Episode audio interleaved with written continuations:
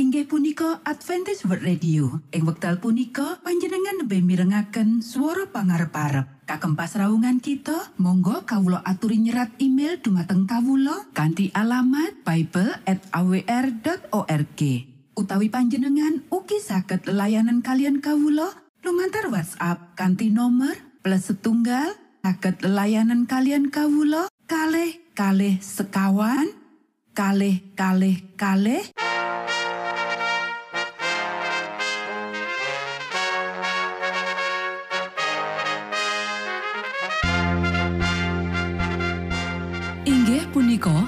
Adventist World Radio ingkang giaran kanti basa Jawi. Tentrem Rahayu kula aturaken kagem para mitra kinasih ing pundi papan lan panggonan. Sugeng pepanggian malih kalian Adventist World Radio. Kandi bingahing manah Kulo badi sesarengan kalian poro mitra kinasi. Lumantar saperangan adicara ingkang sampun rinonci. Mligi kagem panjenengan sami. Mugi giaran punika saged migunani tuen dados berkah kagem kita sedoyo. Sugeng midhangetaken Gusti amberkahi.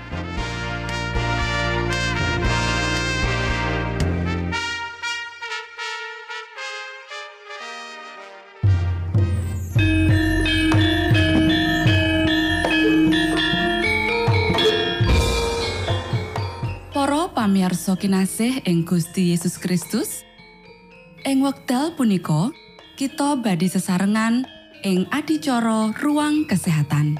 Ingkang saestu migunani kagem panjenengan saha kita sami. Tips utawi pitedah ingkang dipun aturaken ing program punika tetales dawuhipun Gusti ingkang dipunnyatakaken ing kitab suci. Semanten ugi sakehing seratan ingkang dipun wangsitaken dening Gusti Allah. Nanging saderengipun, monggo kita sami midhangetaken kidung pujian.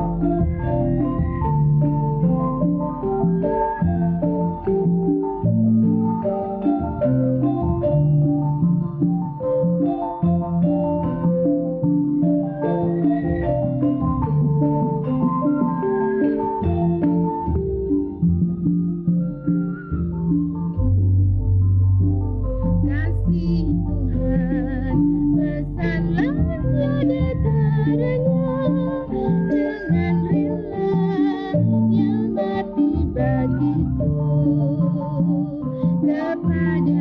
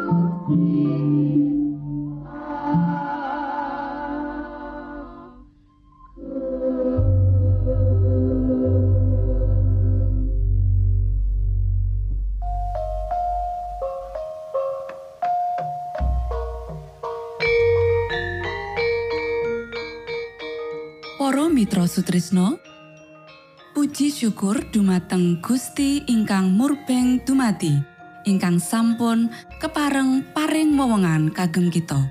Satemah saged nglajengaken ruang kesehatan. Pirembakan kita semangke kanthi irah-irahan. Kapiantu dening Hawa Resik.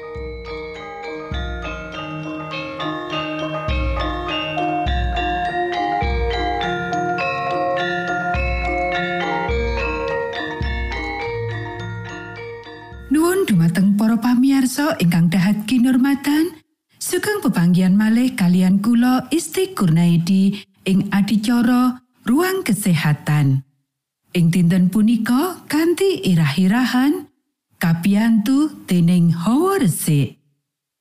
Para sedherek ingkang kinasih pangaribawa hawa seger sing resik nyebabake getih mili lancar ing sakujur badan. Iku bakal nyegerake badan lan condong nguatake lan nyihatake lan ing wektu kang padha pangaribawane dirasakake pikiran sing awujud kaayeman lan katentreman. Iku bakal mbangkitake selera mangan lan nulung pencernaan luwih lancar lan gawe wong bisa turu angler. Para sederek paru-paru kudu diwenehi kamardikan sing sampurno.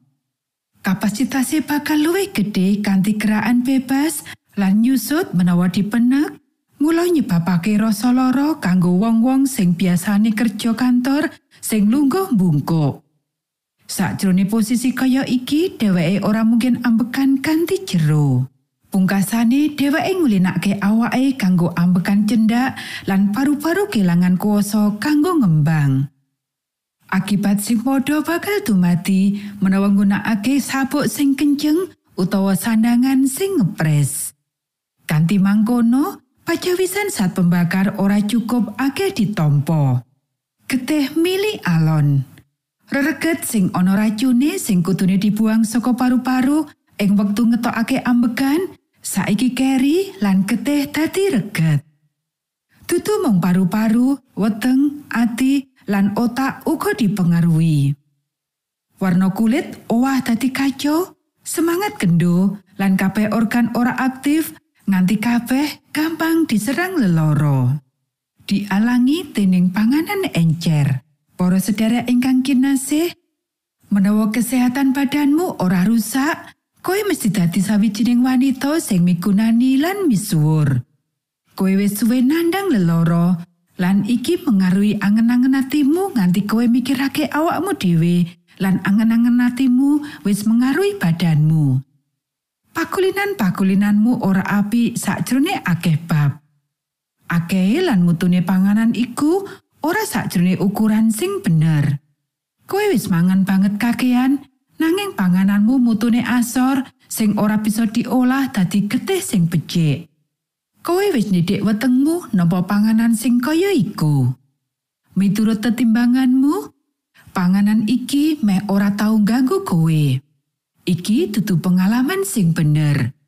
Wetengmu ora nampa kekuatan sing kutune kowe entuki saka panganan iku. Amarga panganan iku sakjane bentuk encer, Mula iku ora menehi kekuatan lan ora ngatur proses pencernaan. Nanging menawa kowe ngowahi pakulinan iki kanthi mangan luwih akeh sing padet lan luwih sedidik sing encer, wetengmu bakal keganggu. Nanging mengkono, kowe aja nyerah ing bab iki. Kowe kudu nglatih wetengmu kanggo nampa panganan sing luwih padet. Para sedherek ingkang kinasih, aku wis ngandani marang dheweke menawa pacawisan panganane ditindakake kanthi salah lan urip kanthi sop lan kopi lan roti dudu reformasi kesehatan panganan sakjroning bentuk encer sing mangkono akeh sing dilebokake menyang weteng dudu nyihatake lan dheweke sing gumantung marang jenis panganan kaya iku wis ngepoti ginjal amarga akeh bahan banyu ngringkehake pencernaan.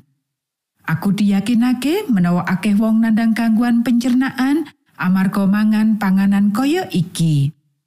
Alat-alat pencernaan diringkehake lan getih dadi rusak.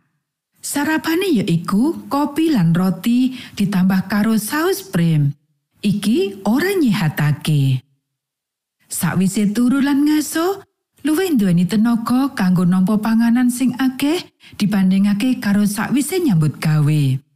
banjur mangan awan kapiji saka sop lan kadang kala daging.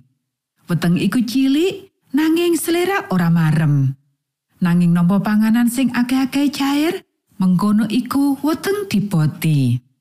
Matur nuwun Gusti amberkahi.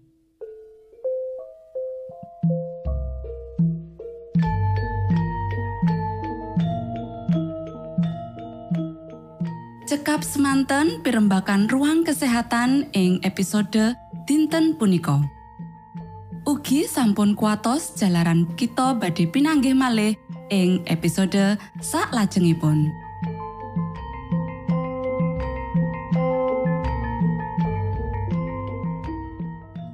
inggih punika adicara ruang kesehatan.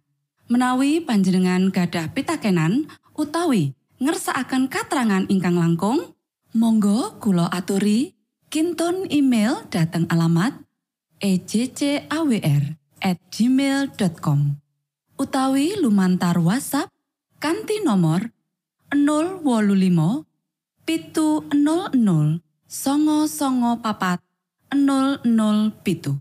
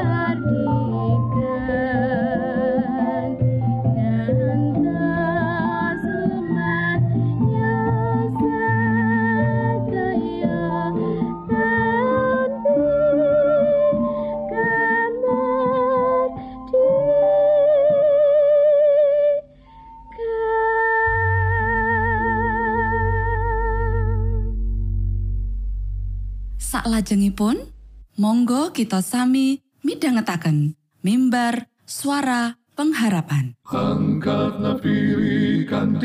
pawarto Sang Kristus paderamu. Pro umat samyo puji asmanyo Sang Kristus paderamu. Inggih punika mimbar suara pengharapan ing episode punika kanthi irah-irahan.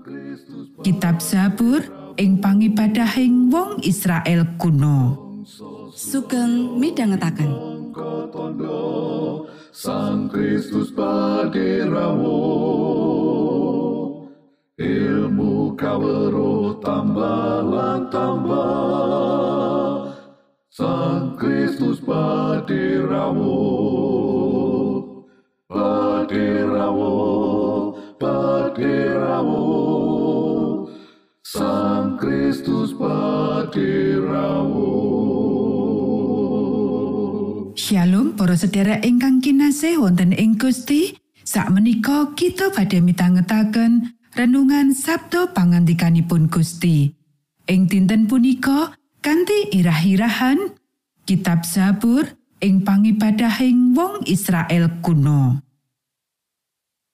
Para sedherek ingkang kinasih, ayo diwaca kitab siji babat pasal 16 ayat pitu. Sawuse mangkono ing dina iku uga Sang Prabu Dawud paring dawuh kang kapisanan marang Asaf lan para sedulure sakulawangsa supaya padha ngrepekno kidung pamuji syukur kagem Pangeran Yehuwa. Nehemia pasal rolas ayat wolu. Mungguh para wong Lewi yaiku Yesua, Binui, Kadmiel, Serebia, Yehuda, lan Matanya. Matanya iki lan para sedulure padha nuntun menawa ngrepekake kidung panuwun. Jabur pasal 18 ayat loro. Unjuke mangkene, kawula tresno dumateng paduka Duh Yehuwa ingkang dados karosan kawula. Jabur pasal telung puluh ayat loro. Duh Yehuwa, paduka badhe kawula luhuraken amargi paduka sampun ngentas kawula saha boten marengaken menawi mengsa kawula sami pingah margi saking kawula. Sabur pasal sangang loro ayat loro. Ngucap syukur dumateng Pangeran Yehuwa kanthi kekidungan punika prayogi. Maka tenugi nyaosi kidung Mazmur dumateng asma Patuko, Duh Gusti Allah ingkang Maha Luhur. Sabur pasal 105 ayat loro. Podho ngidungo kagem panjenengane, kidungno kalawan Mazmur. Saliring pakaryane kang elok padha caritakno. Kolose pasal telu ayat 16. Muga pangandikane Sang Kristus tumunung ana ing antaramu kalawan luber.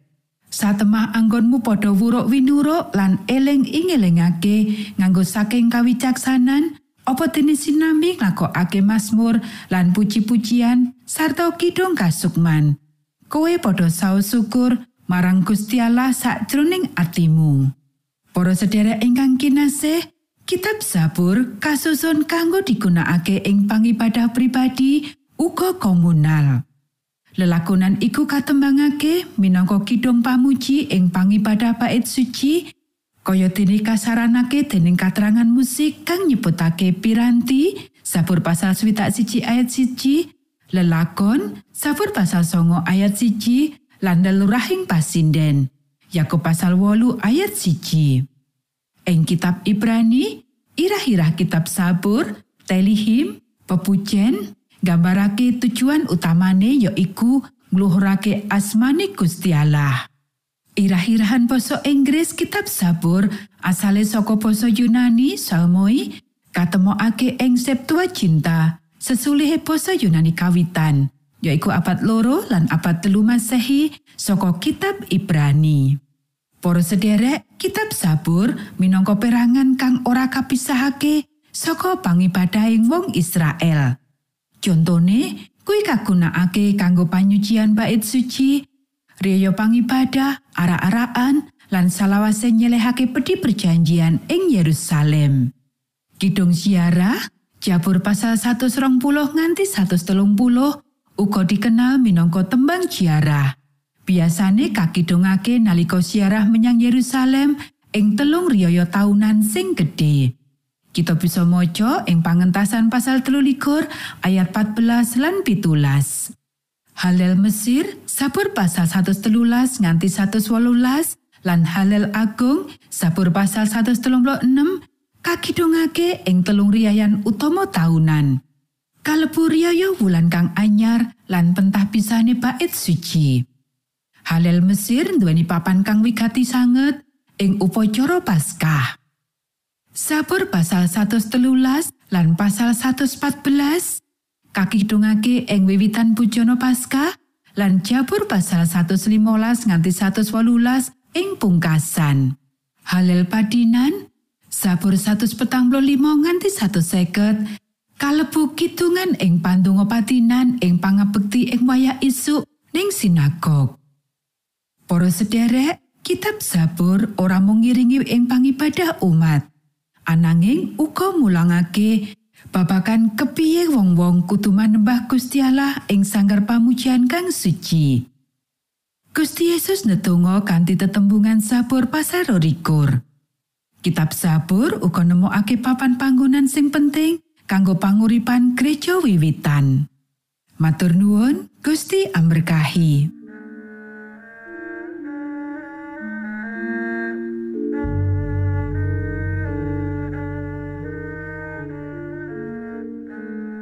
Mitra Sutrisno, pamiarsa kinasih ing Gusti Yesus Kristus. Sampun paripurno pasamuan kita ing dinten punika. Menawi panjenengan gadah pitakenan utawi ngersaakan seri pelajaran Alkitab suara nubuatan, monggo Kulo aturi kintun email dateng alamat ejcawr at gmail.com utawi lumantar WhatsApp kanti nomor 025 pitu 00 songo songo papat 00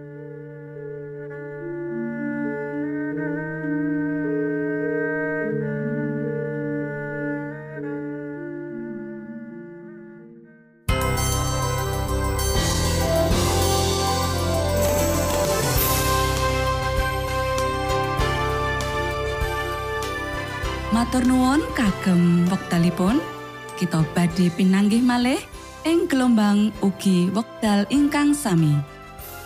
Saking studio kula ngaturaken tentrem rahayu.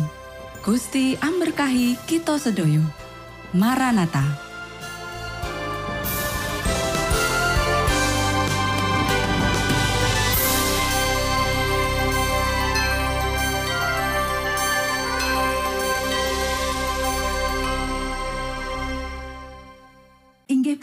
Adventist World Radio. Ing wekdal punika panjenengan lebih mirengaken swara pangarep-arep. Kagem pasraungan kita, monggo kawula aturi nyerat email dumateng kawula kanthi alamat bible@awr.org.